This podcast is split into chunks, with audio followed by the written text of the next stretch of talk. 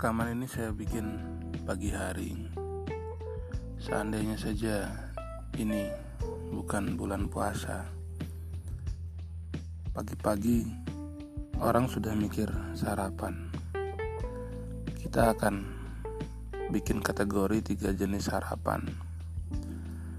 Yang pertama, yang kebanyakan itu mau makan apa lagi Tiap hari orang berpikir tentang menu baru atau menu varian sehingga tidak itu-itu saja.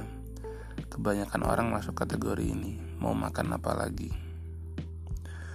Selalu hidup tema besarnya adalah makan.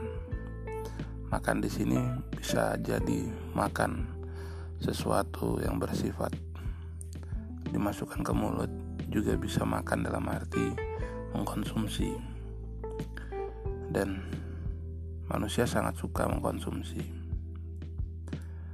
Yang kedua adalah mau makan siapa lagi. Mau makan siapa lagi ini tentu saja kaum minoritas yang jumlahnya paling cuma 5% yang menguasai ekonomi satu negara dan mereka ini yang menentukan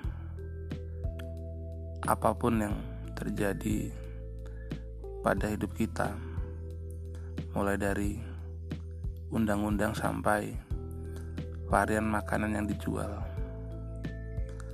Orang-orang yang tamak ini, mereka tidak lagi berpikir tentang mau makan jenis apa, tapi mau makan seberapa banyak lagi. Dan karena orang-orang rakus ini dunia yang sebenarnya asik ditinggal bersama karena tidak akan ada kemelaratan dan kesengsaraan seandainya orang-orang 5% yang menguasai 80% kekayaan yang ada ini tidak menumpuk kekayaan. Karena itu agama sangat marah dengan orang yang menumpuk-numpuk harta, kesenjangan ekonomi itu sangat dimusuhi oleh agama.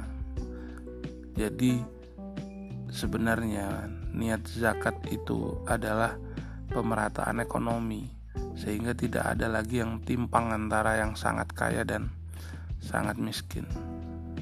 Ketika satu negara masih ada yang sangat kaya dan sangat miskin berarti ada ketidakberesan ekonomi di dalamnya.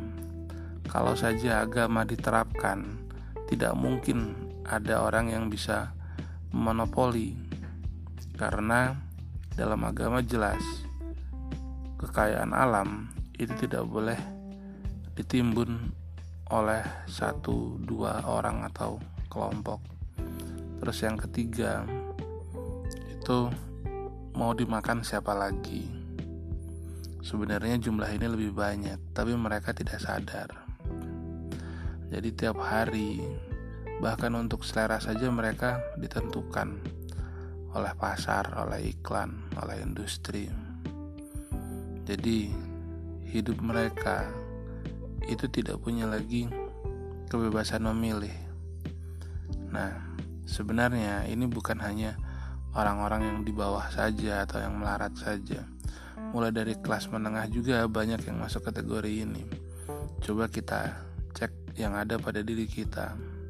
Kesukaan kita terhadap makanan atau barang-barang lainnya, jenis HP, jenis lagu, jenis pakaian, apa pun itu ditentukan semua.